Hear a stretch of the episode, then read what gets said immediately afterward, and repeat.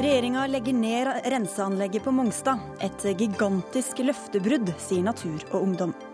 Den radikale journalisten Mimir Kristiansson ville teste livet på børsen. Endte opp med å tjene penger på alt han tidligere slåss imot. To dager før parlamentsvalget i Tyskland er det fortsatt dødt løp, men uansett utfall sitter Angela Merkel trygt. Og SVs Snorre Valen tar et oppgjør med Arbeiderpartiets fortelling om velferdsstaten.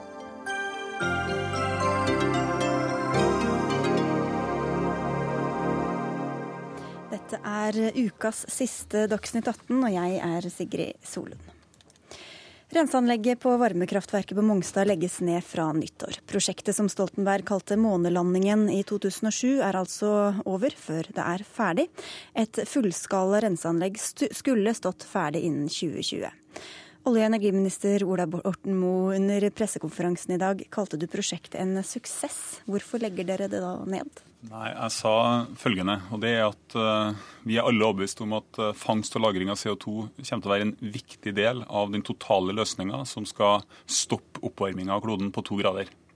IA anslår at uh, fangst og lagring må stå for om lag en femtedel av reduksjon i menneskeskapte klimagassutslipp for at vi skal lykkes med det. Og det er det dere har prøvd på her? og så legger det har, vi prøvd, det har vi prøvd på langs mange strategier nå i flere år. Eh, og vi har brukt 7,2 milliarder kroner på det. Over fem av de milliardene har gått til å bygge verdens største, mest moderne og mest ambisiøse laboratorium for utforsking av nye teknologier på Mongstad, det såkalte testsenteret. Vi har brukt 1,2 milliarder kroner på fullskalaprosjektet på Mongstad, men det er også penger som er relevant for andre prosjekt, både i Norge og internasjonalt. Og vi har satsa på andre teknologier eh, rundt forbi, f.eks. For nå Norcem sitt eh, anlegg i Brevik. Og det som er viktig for meg å si der, det er at Når man starter ambisiøse forskningsprosjekt, så vet man jo aldri resultatet i andre enden. Det er jo derfor det kalles forskning. Og Det er umulig å kritisere regjeringa for at vi har vært ambisiøse på dette, for at vi har dratt lasset på dette, for at vi har brukt ressurser og jobba hardt for å oppnå mål som vi alle er opptatt, av. Men det er vel heller ikke der kritikken kommer? Jo, og så er det viktig å si at når vi da, etter å ha jobba lenge med dette prosjektet, som vi da frem til nå har brukt 1,2 milliarder kroner på, finner ut at vi ikke kan stå oppreist på å bygge det. Ikke fordi vi ikke ville ha klart å bygge det, det ville vi gjort. Det ville bare kosta veldig mye penger. Og jeg tror at istedenfor å demonstrere overfor oss sjøl og resten av verden at dette er løsninga, dette er noe vi kan være stolt av, dette er noe som andre kan gjøre andre steder, også i fattige land, så har vi bare kommet til å demonstrere at Norge har veldig veldig mye, penger. Og Det er to helt forskjellige ting, og da er det bare riktig det er også min plikt som statsråd og vår plikt som regjering eh, å da eh, diskutere hvordan man kan bruke pengene mest mulig effektivt, hvordan man kan nå målet raskest. Og Vi holder fast på målet om at vi skal ha ett fullskala renseanlegg i Norge innen utgangen av 2020. Men dette er et prosjekt som er blitt utsatt og utsatt og utsatt, og hvor eh, pengene har flommet over nærmest. Hvorfor kommer dette nå noen få uker etter at dere tapte valget, og få uker før dere skal gå av? Det er fordi at dette er en stor sak som er en del av arbeidet med statsbudsjettet. Og så ville egentlig Det beste spørsmålet vært hvorfor det ikke kommer i forbindelse med fremlegginga av statsbudsjett som skjer den 14. oktober. Eh, og Grunnen til det er at vi har mange internasjonale samarbeidspartnere på dette prosjektet. Eh, vi har mange samarbeidspartnere i Norge. Og det er viktig at de nå blir orientert på skikkelig vis, sånn at vi får avvikla prosjektet på en skikkelig måte eh, fram til 1.1.2014, og at vi får gjennomført de prosessene som vi er avhengig av å få gjennomført på en, på en god måte. Leder i Natur og Ungdom, Silje Lundberg, hva syns du nå om at dette legges ned? Jeg synes det her er en ganske tragisk dag. Og jeg synes det er flere årsaker. Det ene er at Natur og Ungdom hadde rett. Og det er òg ganske tragisk. I 2007 så eh, aksjonerte Natur og Ungdom sivilt ulydig mot bygginga av Mongstad. 34 personer som ble, som ble, arrestert, og man prøvde å stoppe den bygginga. Nettopp fordi man ikke hadde rensing fra dag én. Fordi vi sa at vi eh, ikke tror på at man kommer til å, å gjennomføre det her etter planen. Når du ikke bygger rensing fra dag én, men først bygge et gasskraftverk, og deretter skal du begynne å bygge renseanlegget. Eh, og så viser det seg jo seks år etterpå at vi hadde jo helt rett, eh, og det synes jeg er veldig synd. Og så er det noe annet som er et stort problem i dag, og det er at da når regjeringa har eh, trukket, trukket hele prosjektet om fullskala rensing, så står nå fortsatt det gasskraftverket der. Og det gasskraftverket det har tenkt til å spy ut, spy ut CO2 flere tiår framover. Så da har man istedenfor at den konsesjonen som var båndlagt med at det skulle være krav eh, om fullskala rensing, så kommer man til å endre. Så man får fortsette å slippe ut, man fortsetter å, å gjøre det i flere tiår, istedenfor at man også nå legger ned skiten. Det er det man burde gjøre. Ja, nå har ikke dere så mye dere skulle ha sagt framover uansett, Ola Borten Moe, men hva skjer med det kraftverket framover da? Ja, det er jo sånn i Norge, et velfungerende rettssamfunn, at har du fått en tillatelse, og på bakgrunn av den tillatelse bygger en eller annen installasjon, enten det er nå et kraftverk eller det er et hus, eh, så er det ikke sånn at eh, man kan trekke tilbake de tillatelsene. Men prinsippene blir brutt? Nei. Og Det var et prinsippet der vi i fellesskap med Statoil skulle videreutvikle dette her. Så det er åpenbart sånn at denne tillatelsen står ved lag, og gasskraftverket kan fortsette eh, å gå. Nå går det for øvrig på halv effekt. Og det slipper ut halvparten av den CO2-en som vi trodde kom til å slippe ut. Så jeg har lyst til å si en ting til. Jeg er veldig lei meg for at Natur og Ungdom tar dette som et slags tegn på at man hadde rett. For hvis man ser på hva Mongstad-prosjektet har utløst, så er jo det en enorm satsing, en satsing uten sidestykke, i alle fall i norsk historie. Så det har vært vellykka, Sannsynligvis også internasjonalt, på hvordan man kan få fangst- og lagringsteknologi frem, ikke bare i Norge, men også internasjonalt. Og dette prosjektet, og det er det ingen som kan ta fra det, har ført til at vi har bygd verdens største og mest moderne laboratorium på Mongstad. Det har ført til at vi kan mer om fangst og lagring nå enn noensinne før, og det har ført til at vi kan bedre jobbe med det i framtida. Ja, altså det, det, det, sorry, altså, men jeg, jeg er bare ikke enig. Og det mener jeg at hvis det er noe som Mongstad har vist oss, så er det jo hvordan vi ikke skal styre et prosjekt. Altså, du skal ikke la bukken passe på havresekken. Det er det man har gjort. Man har hatt Statoil som har hatt altfor mye å si for det Mongstad-prosjektet og for fremdriften der.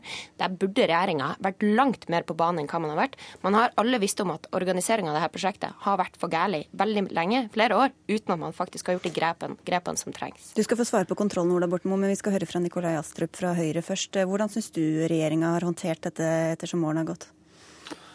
Vi har jo hele tiden sagt at eh, hvis ikke prisen for å rense fullskala kommer ned, så er det et veldig krevende eh, prosjekt å realisere. Eh, og Det siste anslaget Stortinget fikk, var for fire år siden. Eh, og da var prisen 20-25 milliarder. Og det er klart at det er helt uaktuelt å bruke på et sånt prosjekt. Prisen må ned. Så har vi altså brukt mye penger, det er helt riktig som Ole Borten Moe sier, på et teknologisenter. Eh, og det har vært store kostnadsoverskridelser. Men la nå det ligge. Nå har vi brukt de pengene når det gjelder å få mest mulig ut av det teknologisenteret som faktisk står på Mongstad, og sørge for at det bidrar til at vi får kostnadene for CO2-rensing ned på et nivå hvor det er interessant for flere enn verdens rikeste land. Men, men og Der kan eh, teknologisenteret spille en viktig rolle. Og, og, Der er jeg helt enig med Ola Borten Moe. Så jeg er glad for at de i dag signaliserer at de ønsker å satse på fangst og lagring utover Mongstad. Det har vi påpekt at det er behov for lenge. Og det er interessant at det peker på eh, Grenland eh, og industriutslipp som en mulig Så dere er egentlig helt enige, da, bortsett fra at du syns at det har vært litt for dyrt, eller? Nei, altså Vi har hele tiden sagt at prisen må ned på fullskala for at dette skal være aktuelt. Vi har også pekt ja, på svakhetene helt siden 2010 ved at, eh, ved, ved, på Mongstad. Nei, det er veldig vanskelig for meg å si. fordi regjeringen har ikke presentert noe beslutningsgrunnlag i det hele tatt i dag. Vi har ikke fått noe oppdatert kostnadsanslag på bordet. Det siste vi har er altså fire år gammelt. Eh, og vi vet at prosjektet på Mongstad er et helt annet i dag enn det det var for fire år siden. For nå er det ikke lenger snakk om å rense raffineriet. Nå er det ikke lenger snakk om å rense to turbiner på et gasskraftverk. Nå er det snakk om et gasskraftverk som går for halv maskin, én turbin. Vi har ikke fått noe oppdatert kostnadsanslag på det. Så derfor er det veldig vanskelig for meg å si om det er en riktig beslutning eller ikke. Men ut fra det vi vet tidligere, så gir det mening. Ola Borten Moe, til det Silje Lundberg var inne på. Sånn i retrospekt, hvor god var den avtalen dere inngikk med Statoil? Ja, vi skriver jo i dag at vi ønsker å bidra til at kommersielle aktører tar et nytt fullskalaprosjekt frem eh, til realisering. Eh, vi skriver at ambisjonen om utgangen av 2020 ligger fast. Ja, vi, vi, ja, og så sier vi at vi skal stille midler til rådighet for at så skal skje, men så sier vi også at vi vil ha en mer vanlig arbeidsfordeling mellom det som er staten og det som er kommersielle aktører, markedet, ulike selskaper og teknologileverandører. Og I det så ligger det selvsagt en erkjennelse av at incitamentstrukturen ikke har vært optimal, men det er jo også en viktig lærdom. Men, det er jo også noe som det er viktig å ta med seg videre. og Det er jo heldigvis sånn i dette landet at vi lærer etter hvert. Og så la meg si en gang ja, men, en ting bare til. til det, Hvor godt har dere fulgt opp underveis da, for brukt, å sjekke at Statoil har gjort det de skulle? Vi har brukt store ressurser på å følge opp, og vi får også skryt av Riksrevisjonen for akkurat det. Så vil jeg bare si, la det ikke feste seg et inntrykk av at disse pengene har vært bortkasta. Vi har bygd altså det største, mest moderne, avanserte laboratoriet i verden. Vi vet nå mer om fangst og lagring enn vi har gjort noen gang tidligere. Og det er et direkte resultat av vår vilje og evne til å satse på fangst og lagring av CO2. Du ser litt oppgitt ut her. Ja, altså for Utfordringa her er jo at dersom man virkelig også skal komme videre, så trenger man ikke bare nye laboratorier. og, eh, og det du virkelig trenger, er fullskala. Og der har man hatt en kjempeutfordring altså i Norge. I 2005 med, den, med Soria Moria-erklæringa og det som måtte være de, de rød-grønne sine viktigste miljøsaker, der hadde du bl.a. gasskraftsaken, at man fant en løsning på det. Men løsninga har jo blitt da nå til at man har to gasskraftverk. Nå står jo det ene i Kårstø, det, det går jo ikke det heller, da. Men altså at man har bygd to forurensende gasskraftverk. Det kan ikke være noe problem at det ikke går. Nei, det er jo flott det, men det er jo helt latterlig at man har bygd det, da. Og det er jo latterlig da når, de, når gassprisene eh, gjør seg sånn at det, det, det, er lønnsomt for dem å skru det på igjen, da skal du få de utslippene igjen. Altså Man har låst inne unødvendige utslipp, og det gjør det på Mongstad nå. Og det gjør det ved at du tillater det å gå nå etter at man har avlyst fullskala. Nå sitter du en potensiell ny eh, olje- og energiminister eller miljøvernminister, eller hva, du vil jo selvfølgelig ikke ta stilling til det, Nikolai Astrup, men hva, hva, men hva vil Høyre gjøre med både med de gasskraftverkene gasskraftverkene som står, og det, og det å få til et fullskala løsning enten her eller der?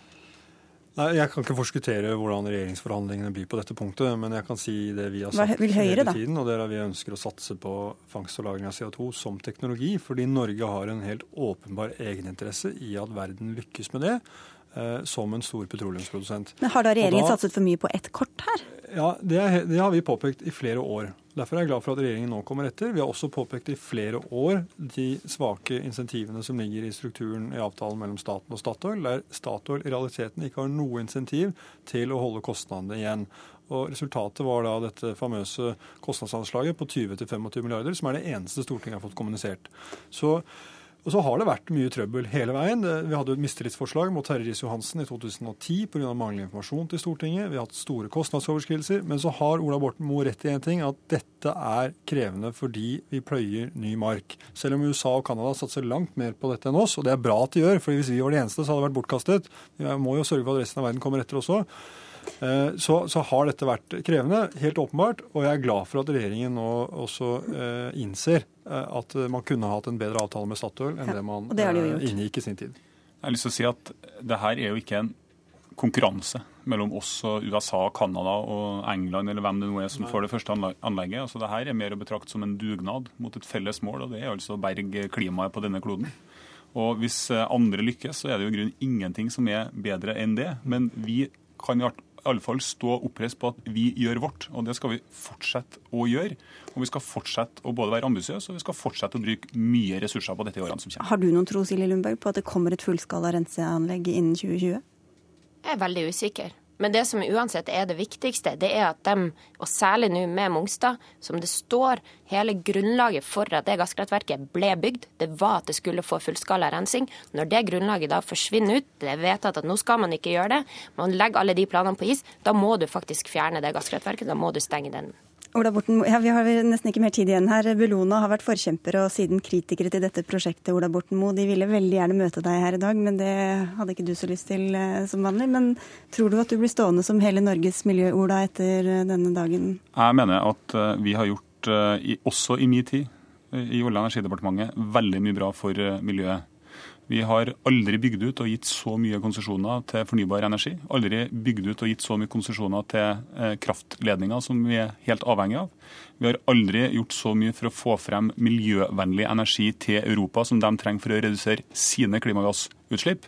Og vi har jobba taktfast og godt og ambisiøst med å få frem eh, teknologi knytta til fangst og lagring av CO2. Dette kommer til å bli stående som en svært god periode i norsk energipolitikk, men også i miljø- og klimapolitikken.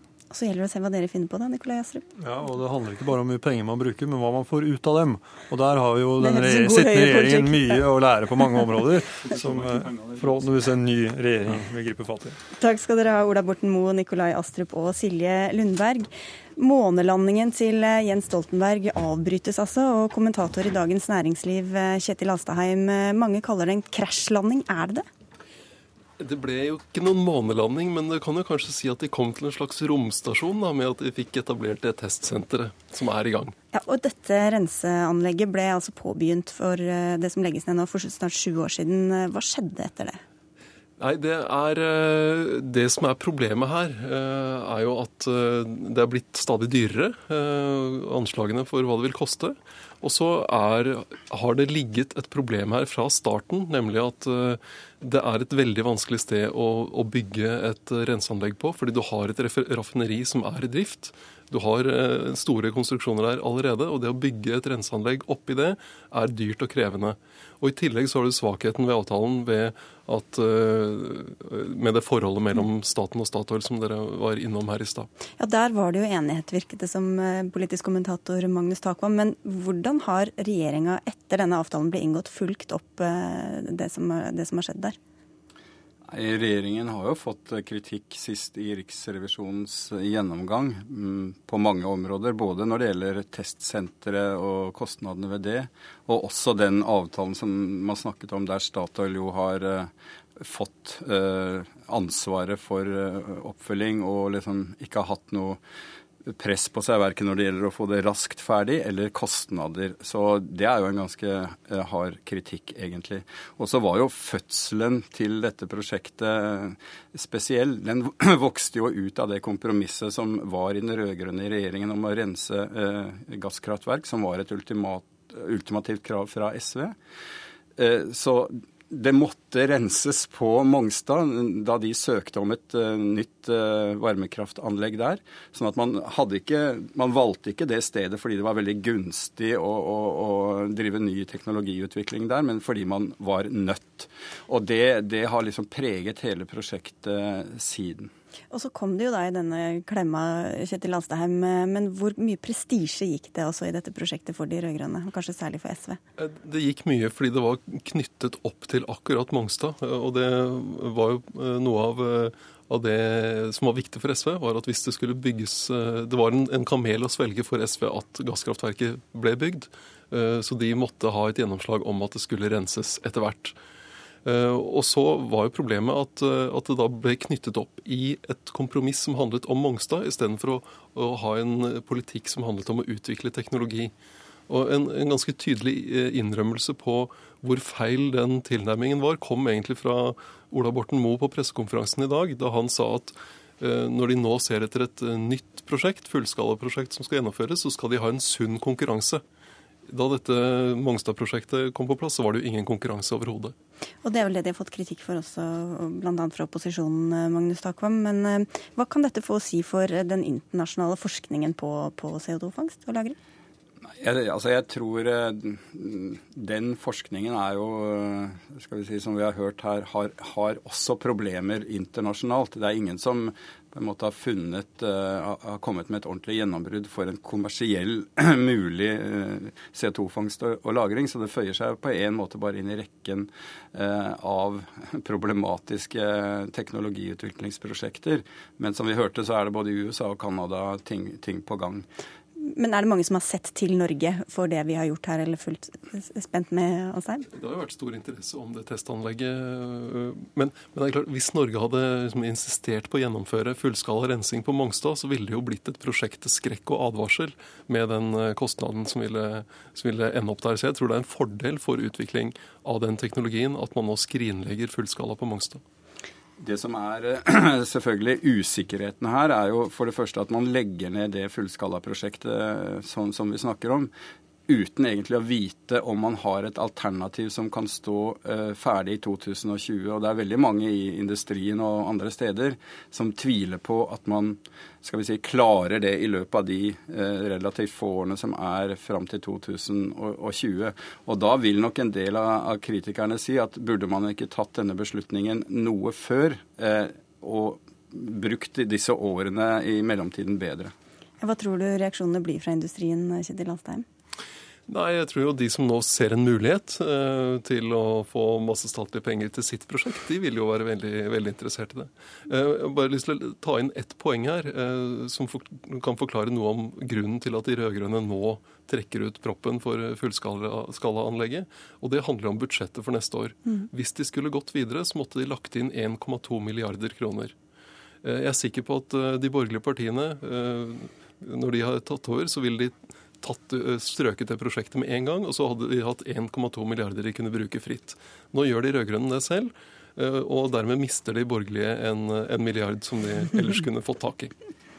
Vi kan også speilvende det. Det kan også være en, en, altså ting er at man ikke slapp denne nyheten i valgkampen av, tror jeg, av politiske grunner. Det ville ført til mye støy om regjeringens miljøpolitikk, tror jeg, og ikke gunstig av den grunn. Men samtidig så, så ville også en ny borgerlig regjering ha gjort det samme. Og den ville da ha fått kjøre fra miljøbevegelsen, så da slapp de i hvert fall den beslutningen. Det var en, god, en gave. Takk skal dere ha, Magnus Takvam og Kjetil Astheim.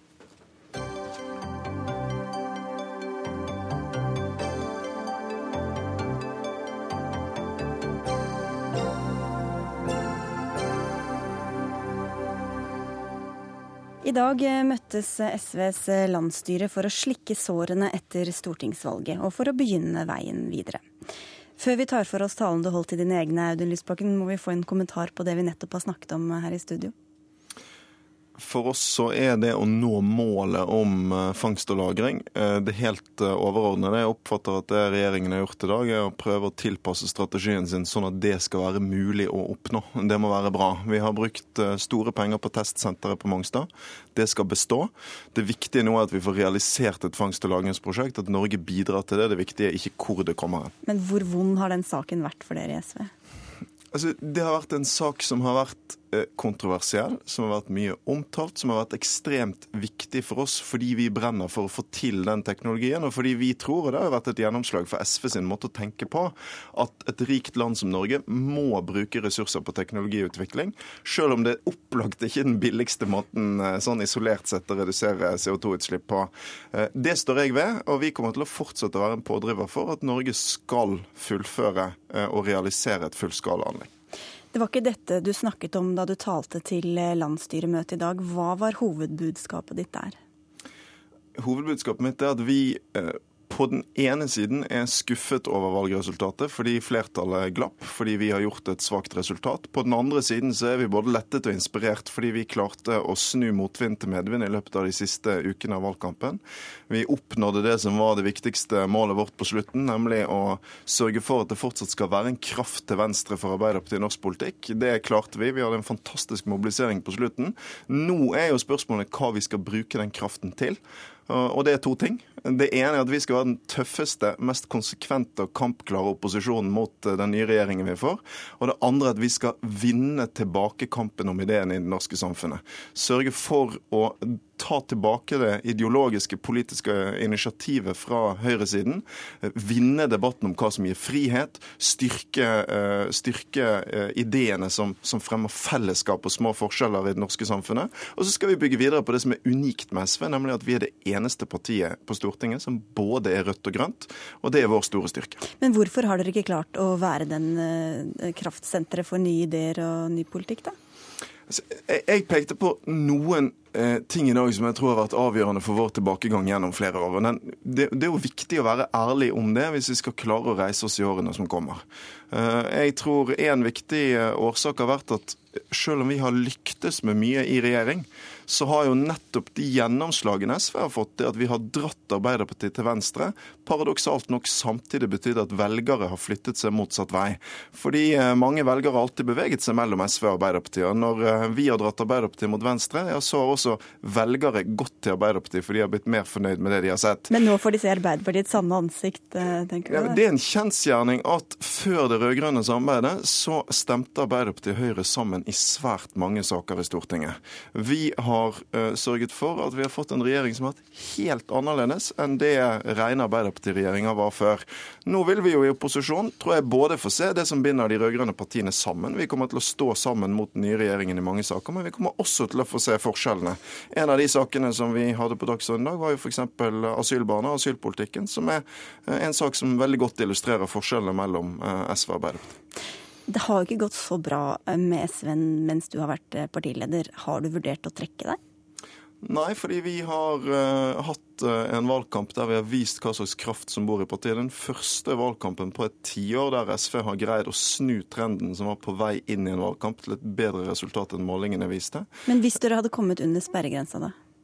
Altså, eh, jeg, har ikke tenkt å gå inn i en diskusjon om hva vi hadde gjort hvis resultatet var dårligere. Vi har holdt stand på samme nivå som vi var på for to år siden. Vårt viktigste mål var å ikke dette under sperregrensen. Det har vi klart. Vi førte en valgkamp der vi begynte med ryggen mot veggen. Jeg er veldig stolt over at vi klarte å snu det. Det gir jo inspirasjon for eh, framtiden og viser at vi kan få til mer i årene som kommer. Journalist og forfatter Frank Rossavik, du har bl.a. skrevet bok om SV. Hvor godt syns du Lysbakken treffer i analysen sin? Eh, nå syns jeg han treffer godt. Eh, på landsstyremøtet i dag så følte jeg at han eh, var litt for oppstemt. Og forsøkte å selge resultatet som langt på vei en seier, i alle fall i den første halvdelen av talen sin. Og jeg håper at han kjenner partiets grunnplan bedre enn jeg gjør. fordi sånn som jeg oppfatter partiets grunnplan nå, så er det en mengde slukøra mennesker som ikke føler seg som noen kraft i det hele tatt. Eh, og som eh, føler at eh, de må ha en helt grunnleggende diskusjon om hva partiet skal være framover. Det holder ikke for SV å bare være mot høyrekreftene eller å bare være et korrektiv til Arbeiderpartiet. SV må også tilby et prosjekt som velgerne kan tro på. Og Derfor er det siste som Lysbakken sa nå, det med å utvikle nye ideer og og forsøker å, å kjempe med eh, de større partiene om eh, hegemoniet på hva folk snakker om i samfunnet, eh, det viktigste. Hvordan skal dere klare det, Lysbakken? Du ville bygge opp organisasjonen da du tok over som leder. Nå snakker du fortsatt om det samme ganske lang tid etterpå. Selvfølgelig, altså Jeg har ledet partiet ett og et halvt år. Det er veldig kort tid i politisk sammenheng. Å bygge et sterkt parti, både politisk og organisatorisk, tar lang tid. Vi har begynt en fornyelse av SV sin politiske plattform. Eh, der målet er at vi fortsatt skal være et viktig miljøparti, et viktig utdannings- og kunnskapsparti, men at vi i tillegg skal bli viktigere i en del debatter der vi har vært altfor fraværende, f.eks. om eh, helse, om organiseringen av offentlig velferd, om eh, arbeidsliv, i integreringsdebatten. Det skal vi jobbe systematisk med nå. Så skal vi gjenerobre noe som har vært en veldig viktig rolle for SV i norsk politikk, nemlig å være det politiske verkstedet på venstresiden, som tør å tenke kontroversielle nye tanker før andre og Det skal vi bruke opposisjonstilværelsen til eh, å gjøre, for det ligger makt også i å utvikle tenkning eh, og påvirke tenkningen i et samfunn. Det har vært mye frustrasjon blant SV-ere også underveis i regjeringa. Hadde det hjulpet SV å gå ut av regjering, tror du, Frank Rossavik? Så eh, jeg er blant de som har ment, eller som mente for to år siden at SV burde manøvrere seg ut av eh, regjeringen. Men mm, om det hadde hjulpet, det er jo veldig vanskelig å si. Det er lett å si for folk som står utenfor. Jeg tror eh, innerst inne at det hadde hjulpet partiet å oppnå noe høyere oppslutning. Men det hadde også hatt en kostnad. Eh, nemlig å si til de folkene i fagbevegelsen som hjalp SV, eller som løfta SV inn i regjeringen i 2005, at vi, eh, at vi forlater det skipet som, eh, som vi hoppa på. Så, så, det hadde ikke vært uten kostnader. Hvilke alternative retninger ser du for deg at SV kan gå i nå? Jeg, altså, jeg er veldig usikker. SVs grunnleggende problem er at det er nesten ingen som ser et behov for partiet. Altså Partiet har ikke noe grunnplan. SV eh, fungerer som et korrektiv og som en motkraft, men har, har ingen egentlig, eh, e egentlig eh, ege, ikke noe eget prosjekt, da, sånn som det ser ut for meg nå. Eh, og det, Etter min oppfatning så er det det som trengs nå i partiet, en, en grundig intern diskusjon om hva SV egentlig skal være. Det er vel det prosjektet og det verkstedet dere skal ha nå framover, Lysbakken. Men vi hadde en runde her for to dager siden hvor eh, partiveteran Stein Ørnhøi satt og foreslo at eh, venstresida burde, eller Rødt og SV og Miljøpartiet De Grønne burde slå seg sammen. Og du nevnte det fra talerstolen i dag også. Hvordan ser du på det? Altså, Jeg er glad for at Stein tenker uh, høyt, og jeg lytter alltid når han gjør det. Og jeg er veldig opptatt av at vi nå skal ha en debatt der vi ikke begynner med å lukke dører. Uh, og jeg ba derfor landsstyret og partiet i dag om å åpne dører istedenfor. Uh, om å ikke avvise noen ting. også diskutere om vi kan klare å skape noe større og kraftigere blant de grønne og røde kreftene i norsk politikk. Så selvfølgelig mitt prosjekt å styrke SV. Jeg har stor tro på det. nettopp fordi jeg mener Franks analyse akkurat der er ikke helt korrekt, fordi vi har to bein. Vi Vi har ett i arbeiderbevegelsen, og så har vi ett i miljøbevegelsen. Det er et unikt utgangspunkt. Vi er det eneste partiet som kan være en møteplass for de to bevegelsene. Det tror jeg vil bli viktigere og viktigere i årene som kommer. Ja, altså Jeg tror at De Grønne har fått blod på tann og vil fortsette å bygge seg videre opp. Og jeg tror at Rødt er så dominert av AKP-ere fortsatt at det å begynne å snakke om sammenslåinger ville føre til at både Rødt og SV vender seg innover i årevis. Og at det vil, det vil neppe ha noe for seg i den situasjonen som vi er i nå. Så Der er jeg vel sannsynligvis enig med Audun Lysbakken, selv om han ikke lukker døra ennå. Ja, Det var vel egentlig bare, bare, SV som holdt den døren på gløtt da vi hadde den runden her også. Takk skal dere ha, Frank Rossavik og Audun Lysbakken. Lysbakken.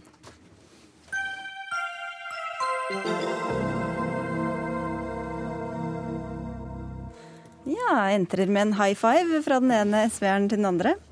Eh, Arbeiderpartiet sår tvil om velferdsstaten og undergraver venstresidas muligheter for å vinne valget i framtida. Det skriver Dagsavisen i dag, og sitatet kommer ikke fra høyresida, men eh, fra deg, Snorre Valen i SV. Hvorfor det? Det er fordi eh, de siste åra så har Arbeiderpartiet i stadig større grad blitt opptatt av å eh, beskrive utfordringa for velferdsstaten i framtida, og det er jo en veldig positiv ting.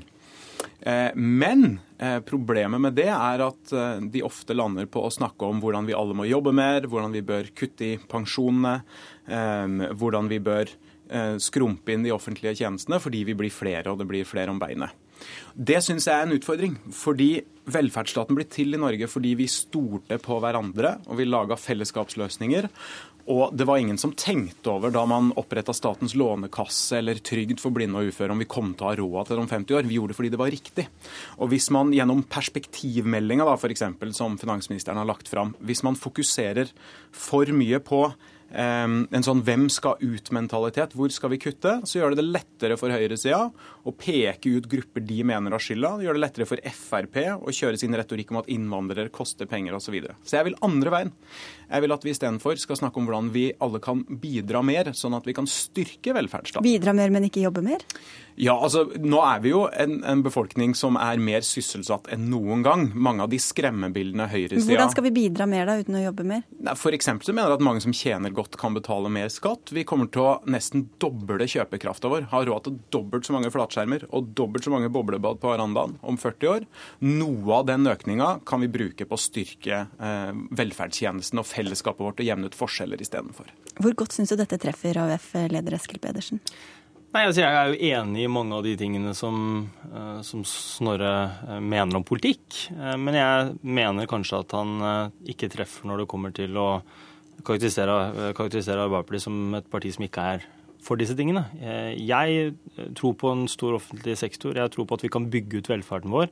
Jeg tror at vi kan være annerledeslandet i verden også i framtida, med lav ledighet og hvor vi har et høyt velferdsnivå. Eh, og så eh, er jeg opptatt av å si at eh, det er jo dette vi har drevet med i åtte år. Har, nå avslutter vi en rød-grønn periode hvor vi knapt aldri hatt noen regjering som har stått nærere de prinsippene som Snorre snakker om. Der har dere måte... regjert sammen, da, ja, så det, er ikke så mye å hente. Har vi, men hvor er det gjort... dere skiller lag, da? Nei, altså, for Jeg mener at vi har en rød-grønn åtteårsperiode bak oss som har vært veldig bra, hvor vi faktisk har bygd ut velferden. Vi har avvist skattekutt, f.eks. Så er det sånn at Vi har for kort tid siden lagt fram en perspektivmelding. Det kan høres litt teknisk ut, men det forteller om hvordan vi skal ha råd til å finansiere velferden vår i framtida. Eh, hvordan utgiftene eh, også kommer til å øke, og hvordan vi da skal klare å matche det i inntekter. Eh, det er flere måter å klare å finansiere velferden vår på et like høyt nivå i framtida. Det ene er å ta inn mer skatt. Der er jeg enig med Snorre at det kan være en idé for de som har mye penger, og de som har over gjennomsnittlig inntekt. Eh, men det finnes flere måter. Eh, hvis vi jobber en halvtime mer i uka, så klarer vi nesten bare ved det ved å finansiere inntektene våre i framtida.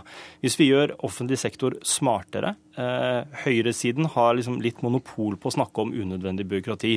Eh, men det er også i vår interesse å, å, se på om det er måter vi kan gjøre offentlig sektor eh, smartere på, uten at det går utover arbeidsvilkår osv. Så, videre. mm. så det er flere veier til målet, og så er vi litt enige om målet. Ja, Men den halvtimen i midten der var vel kanskje den du var mest uenig i da, Snorre Valen? Ja, fordi altså, jeg er jo kjempestolt av mye av det vi har fått til sammen i regjering. Det er ikke det som er poenget, men jeg vil at vi også skal vinne valg i framtida. Da må vår fortelling skille seg fra høyresida sin. Og veldig mange på høyresida later som om de er kjempebekymra for velferdsstatens framtid sånn at de kan gjennomføre usosiale kutt som er høyresidepolitikk, ikke velferdsstatpolitikk. Og Da har jeg noen konkrete politiske utfordringer til Arbeiderpartiet i framtida. F.eks. så mener jeg at Arbeiderpartiet snakker om skattenivået fra 2004 som om det var det året Jesus ble født. Og jeg mener at historien ikke slutta i 2004. og Jeg mener at eh, et av de viktigste politiske styringsverktøyene man har, det er skattenivået. Og når det er sånn at den private velstanden øker og øker og øker i Norge, mens vi har større og større utfordringer i fellesskapssystemene våre, så bør vi hente noe av den private veksten inn og finansiere velferdsordninger istedenfor. Det andre utfordringa er å ikke bare ville beskytte det som er, men videreutvikle velferdsstaten. Det kan bety en smartere offentlig sektor, en offentlig sektor der man slipper å rapportere med tusenvis av skjemaer i skolen og sykehusene pga. foretaksmodellen og sånne ting. Det er veldig bra. Men det må jo også bety nye reformer. At tannhelse f.eks. blir en del av velferdssystemet osv.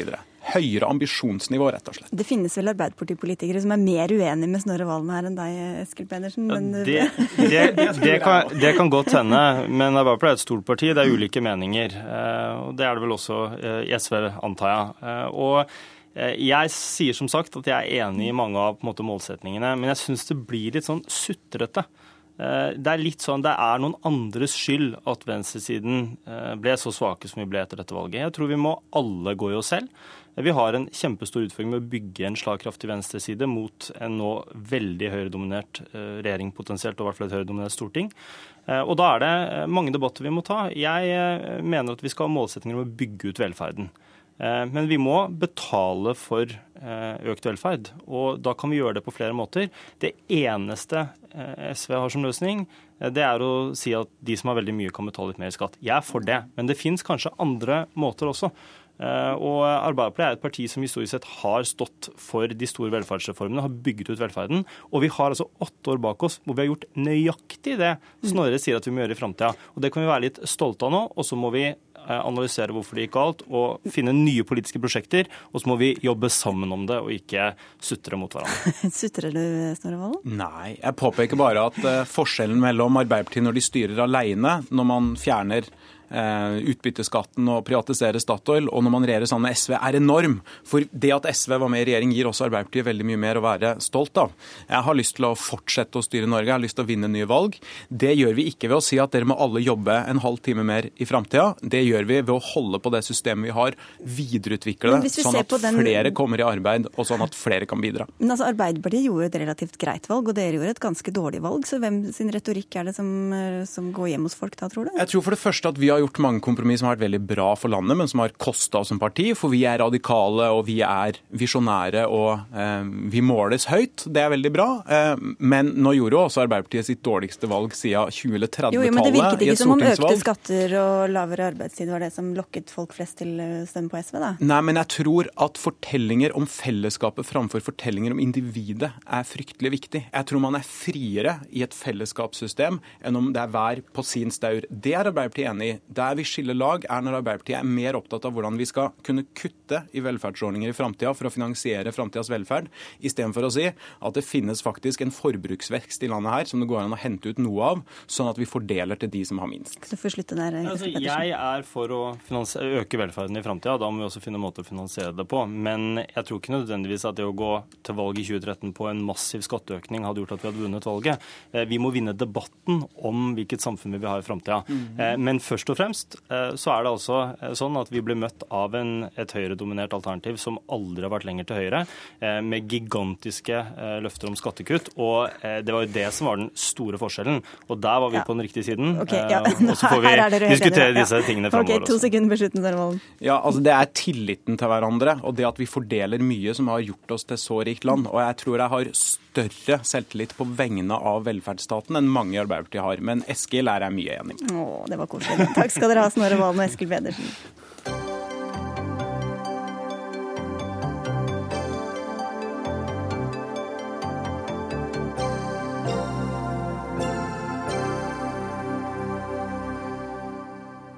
To dager før parlamentsvalget i Tyskland viser meningsmålingene dødt løp mellom høyre- og venstresida. Utfallet kan få konsekvenser for flere enn tyskerne. Det kan også få mye å si for videre hjelp til et fortsatt kriserammet EU. Kjetil Widsvang, kommentator i Dagens Næringsliv. Vi skal komme tilbake til EU, men først, eh, hva har kjennetegnet den tyske valgkampen vi har sett nå? At den har vært grunnleggende gjennomført kjedelig. Det er ett ord som er brukt eh, om det, det er demobilisering. Altså at uh, Kristendemokratene, som har regjeringsmakt, sammen med Fridemokratene, har ønsket at færrest mulig skal gå ut og stemme, fordi at teknisk sett så er det flere på høyresiden som går og stemmer enn på venstresiden. Så jo færre som går, jo bedre blir resultatet. Vi har hatt en fest i forhold, vi altså. Ja. Arnt Stefansen, eh, utenriksreporter, du er med oss fra Berlin. Hvilken vei blåser vinden nå før søndagens valg? Ja, Det blåser i retning av at Angela Merkels parti eh, blir størst. Eh, de har ligget klart i teten på meningsmålingene gjennom hele valgkampen, rundt 40% og ligger der fortsatt. Så der er det ingen som venter noen overraskelser. Og det er heller ingen som venter annet enn at Merkel fortsetter som kansler. Det store spørsmålet er hva slags regjering hun skal lede. Og er, der er det et helt åpent løp. Høyre- og venstresiden ligger helt jevnt. Det er helt uklart om den nåværende regjeringen får flertall bak seg i det nye parlamentet. Og derfor så kan man faktisk ende opp med at valgets vinner Eh, altså CDU, og valgets trolige taper. Sosialdemokratene må inngå et slags fornuftsekteskap, en eh, samlingsregjering som vi kjenner fra gamle dager i, i Norge, eh, for å få til et flertall i parlamentet. Hva er de viktigste sakene nå når tyskerne skal gå til valgurnene? Ja, hvis jeg skal nevne én sak som har preget valgkampen gjennom hele sommeren og nå inn i høsten, så er det dette spørsmålet om økt sosial ulikhet i Tyskland. Forskjellene mellom fattig og rik øker. Eh, man har fått et undersjikt av eh, nyfattige i Tyskland som man ikke har sett på veldig lenge. Eh, og det er et tema som har vært engasjert sterkt gjennom, gjennom valgkampen. I tillegg hadde du hatt en stor debatt om overvåking i forbindelse med disse avsløringene til Edward Snowden.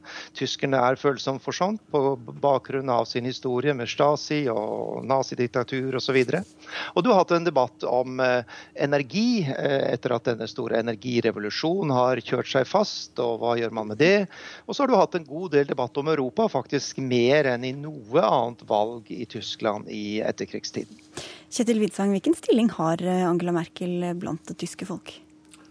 Hun har en helt fenomenal stilling, veldig populær. Hun har holdt oppe populariteten høyt i forhold til den posisjonen hun er i.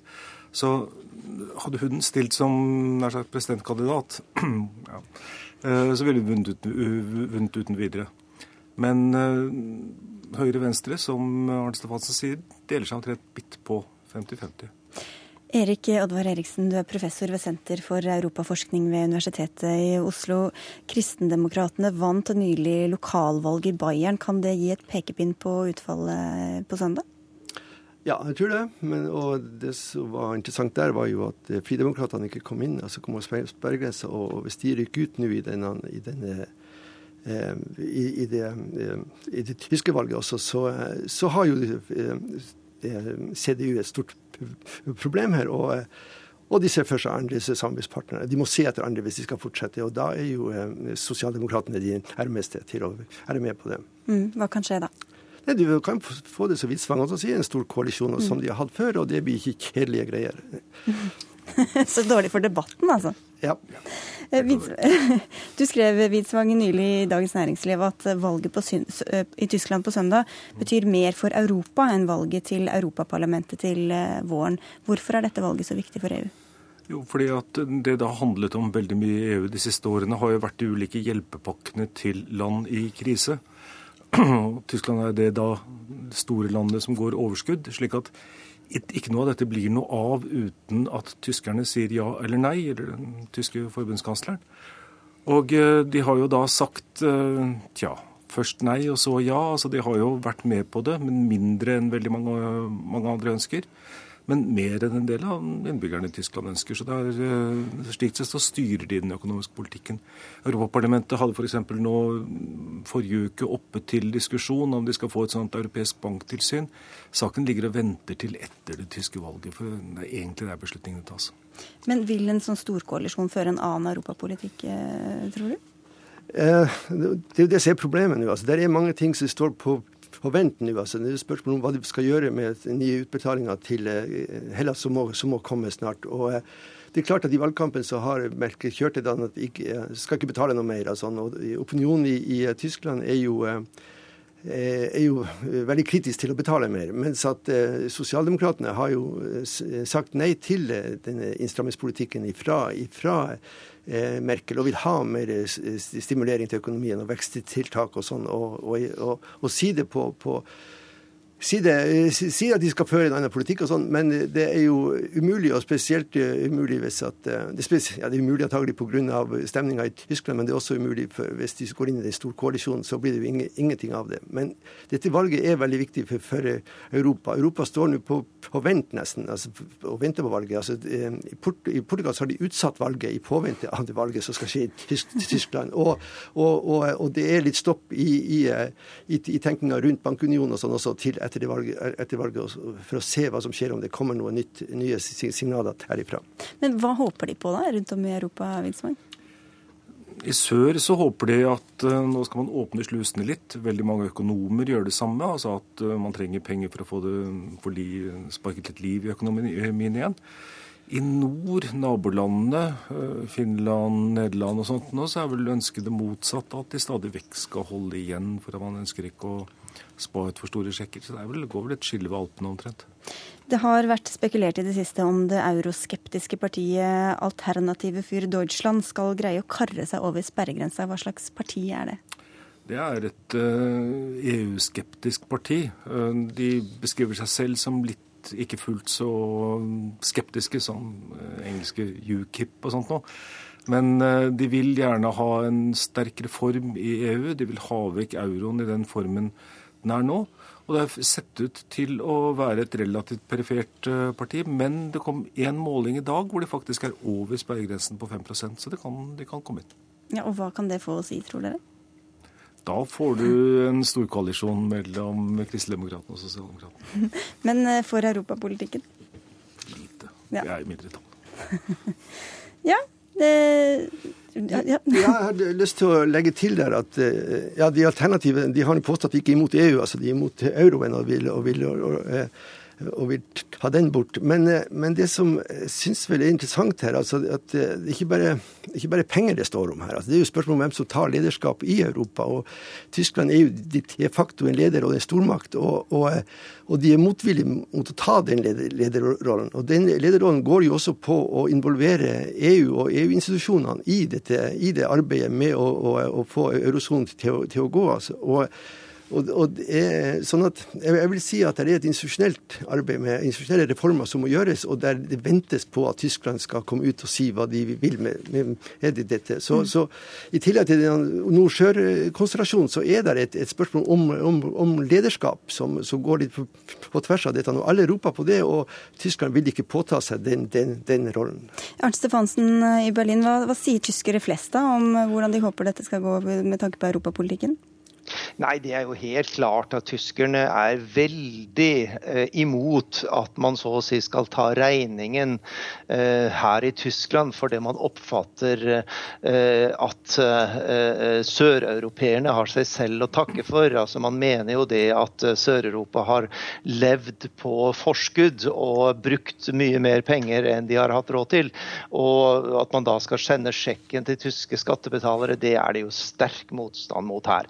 Slik slik at ja, Merkel har jo holdt dette veldig ute av valgkampen. Uh, F.eks. den neste utbetalingen til Hellas, som jo ganske garantert kommer. Den har hun forsøkt å liksom skyve foran seg, og uh, i det hele tatt forsøkt å holde disse tingene ute av valgkampen. Men jeg er helt enig med, med, med, med de to i studio at dette kommer til å bli en sak som blir satt kraftig på dagsordenen, og jeg tror tyskerne får seg en liten blåmandag mandag eh, etter dette valget. Fordi det er eh, rett og slett noen regninger som må betales her, mm. hvis man skal klare å holde prosjektet flytende videre. Eh, selv om veldig mange økonomer vil si at det vil være fornuftig, og tyskerne selv vil tjene på å betale ut her, så ligger det noe sånn dypt psykologisk. Man kan tenke seg selv om det ville være rasjonelt å stille det norske oljefondet som garanti for å få Europa på bena, så ville det vært litt vanskelig å få solgt det til et norsk publikum. ja.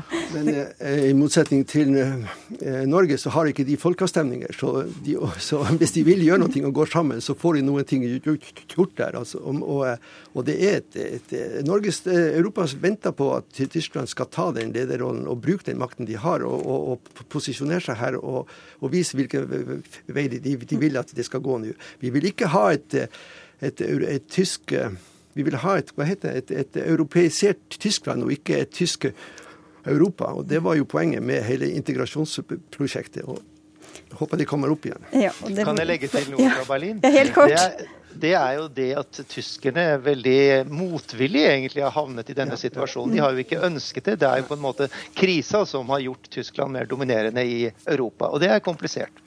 Og På søndag får vi svar altså på hvem som vinner valget. Takk skal dere ha for at dere kom til Dagsnytt 18, Kjetil Widsvang, Erik Oddvar Eriksen og Arnt Stefansen med fra Berlin.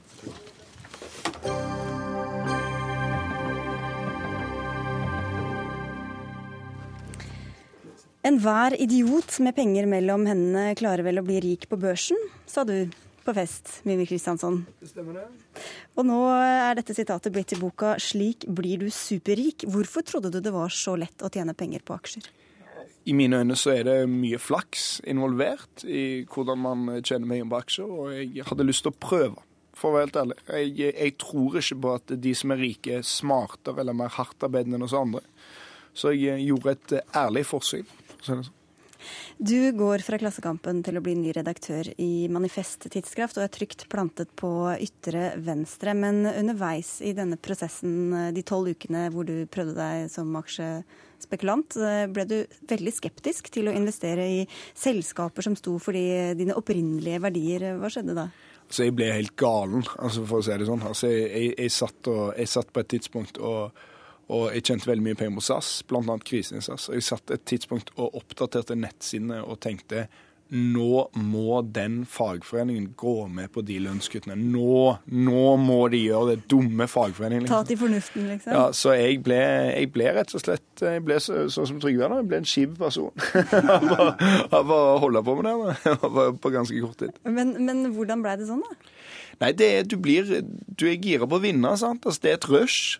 Du, du, lykkes, og, eller du mislykkes, men alt det er på en måte et rush. Det er et voldsomt adrenalinkick. Det minner veldig mye om, om, i mine øyne altså Daytrading minner, minner veldig mye i mine øyne om eh, live-betting. Altså du, du vedder på hvem som skal skåre neste mål i fotballkampen, og du vedder på hvilken aksje du skal gå bra med. Og når du da vinner, så føler du deg som kongen av verden. Og mens du holdt på med dette, sluttet du å bruke morgenen til å høre på, høre på Politisk kvarter, og løp heller ut for å kjøpe Finansavisen, der du er redaktør. Jeg er tilbake som lytter, altså. Fjo! Ellers hadde du ikke sluppet inn her. Men, men hva, hva, kjenner du deg igjen i denne beskrivelsen? Nei, det gjør jeg ikke, for jeg er jo ikke sånn daytrader. da. Altså, det får man jo nerver av. Men, eh, men jeg har jo gledet meg over at uh, Mimi da erstattet Klassekampen med Finansavisen i tre måneder. Og der fikk alle de gode rådene han måtte ha for da å slå markedet. Ja, men Så, fungerte det, da? Ja, nå har jo Mimi når Mimi, Mimi, Mimi, Fasiten er jo at Mimi sier det at, at enhver idiot kan tjene penger på børsen. Og nå har han bevist det, da.